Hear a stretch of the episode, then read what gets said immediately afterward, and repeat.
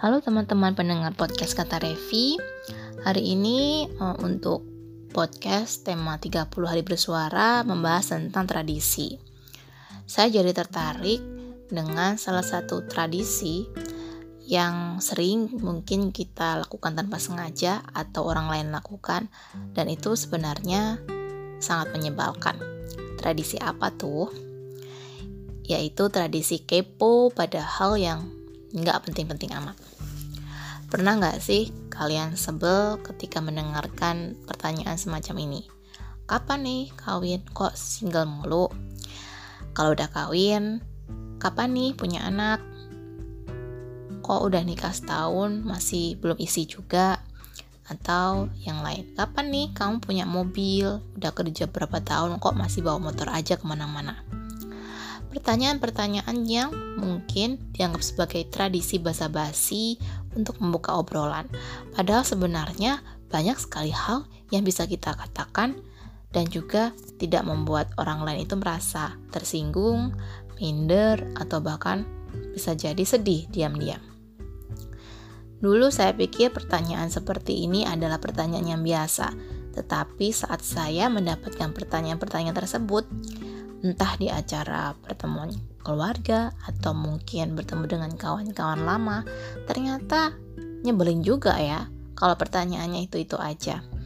Seolah ketika kita bertanya, uh, kita menjadi orang yang paling hebat, bahkan jika diikuti lo harusnya kamu itu jangan seperti ini kalimat-kalimat sok tahu gitu ya setelah pertanyaan-pertanyaan kepo yang gak jelas itu lebih nyebelin lagi kalau misalnya nggak pernah ketemu tapi ujung-ujungnya bilang kok kamu gendutan sih? Kok kamu makin hitaman sih? Kalimat-kalimat biasa yang mungkin bagi si penanya itu biasa-biasa aja. Bisa jadi sebenarnya ketika yang ditanya atau kita yang menjadi orang yang ditanya itu pulang rasanya masih membekas sekali kejengkelannya. Kita jadi tidak mencintai diri sendiri. Memang benar kita harus uh, memperbaiki kekurangan kita. Tetapi alangkah baiknya kalau misalnya kalian peduli dengan seseorang dan merasa orang ini perlu diberi nasihat yang positif, sampaikanlah, dengan kalimat yang terkesan tidak menggurui. Contohnya misalnya eh, kalian melihat teman kalian ini kok rasanya kelebihan berat badan. Mungkin kalian bisa cerita tentang kegiatan kalian untuk berolahraga Lalu bisa tanyakan olahraga apa sih yang disukai teman kalian. Jadi ada obrolan yang berisi daripada sekedar ngomong kok kamu gedutan sih, tolong diet dong. Kita nggak tahu bahwa mungkin si teman yang kita anggap gemukan ini dia sudah diet mati-matian atau mungkin dia sedang mengalami masalah hingga terganggu pola makannya dan lain-lain. We never know what is the theme behind the closed door. Jadi jangan sampai karena kalimat-kalimat yang kita anggap biasa menjadi sebuah tradisi basa-basi yang menyebalkan. Berikutnya yang ingin saya sampaikan juga mungkin buat pengingat diri saya sendiri, tradisi kepo itu sebenarnya bukan hal yang lumrah. Sudah seharusnya kita menormalisasi pertanyaan yang lebih lebih produktif ya. Contohnya begini. Wah, gimana kabarnya? Lagi sibuk apa nih? Atau uh, sekarang kamu lagi bikin proyek apa nih? Proyek apa? Kayak gitu-gitu. Itu bisa jadi hal yang lebih enak untuk didengar. Atau misalnya jika kalian pengen tahu tentang uh, ya hal-hal pribadi buat teman kalian, bisa jadi kalian ceritakan atau buka topik dari diri kalian dulu. Misalnya kalian menceritakan tentang pasangan kalian atau anak kalian. Nah di situ pun jangan langsung nodong kamu kok belum hanya belum punya anak sih.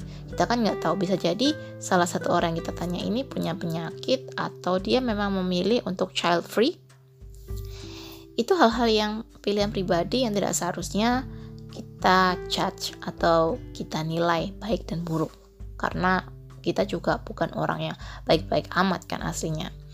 Kalau misalnya kita udah cerita tentang diri kita tapi ternyata orang atau teman kita yang kita tanya itu uh, tidak mau membuka diri ya sudah cari topik yang lain. Ya mungkin kalian bisa ngomongin soal cuaca ngomongin soal politik ngomongin soal artis walaupun sebenarnya hibah itu juga sama aja ya mau hibah artis atau yang penting ada topik yang tidak membuat teman kalian tersinggung. Makanya uh, saya sarankan banyaklah baca entah itu artikel majalah buku. Jadi kalian bisa punya banyak topik yang bisa kalian singgung. Terutama kalau kalian tahu teman ini minatnya apa. Ya coba deh kita uh, singgung dari minat si teman ini untuk bicara atau membuka dialog. Kalau misalnya sudah mencair, nanti biasanya uh, ketika si orang yang kita tanya ini sudah merasa nyaman, dia akan curhat-curhat sendiri kok. Itu pengalaman saya. Nah, yang kedua, uh, bahwa yang tadi saya sempat singgung, kalau sudah nyaman orang itu bisa cerita, maka jadilah pendengar yang baik. Ketika kita menjadi pendengar yang baik, terkadang tanpa harus bertanya macam-macam, orang itu akan cerita dengan sendirinya kok. Jadi, daripada kita menjadi seorang penanya yang menyebalkan, melanggengkan tradisi kepo yang tidak sopan, lebih baik kita menjadi orang yang mau mendengarkan. Kita belajar untuk menahan mulut kita supaya tidak mudah nyinyir atau asalnya blak aja. Kita belajar untuk menjadi seorang pendengar. Kita menanyakan kabarnya, lalu kita minta dia untuk bercerita tentang dirinya. Alangkah senangnya ketika ada kawan yang mungkin selama ini dia butuh tempat cerita, tapi ternyata dia tidak tahu harus cerita ke mana. Dan kita mau menyediakan waktu sejenak untuk mendengarkan inilah eh, hal-hal yang ingin saya ungkapkan, terutama soal tradisi kepo yang nggak penting itu. Semoga teman-teman yang mungkin kadang nggak sengaja untuk bertanya bisa lebih mengerem untuk berikutnya. Saya juga pernah kok bertanya soal hal ini kepada orang lain. Jadi saya pikir kita semua pasti pernah punya pengalaman menjadi orang yang kipu-kipu nyebelin gitu ya kan. Ya semoga podcast kali ini bermanfaat buat teman-teman pendengar dan jika ada kritik dan saran seperti biasa, mampir ke Instagram kata Revi, KATA underscore REFFI. Sampai jumpa di podcast kata Revi berikutnya.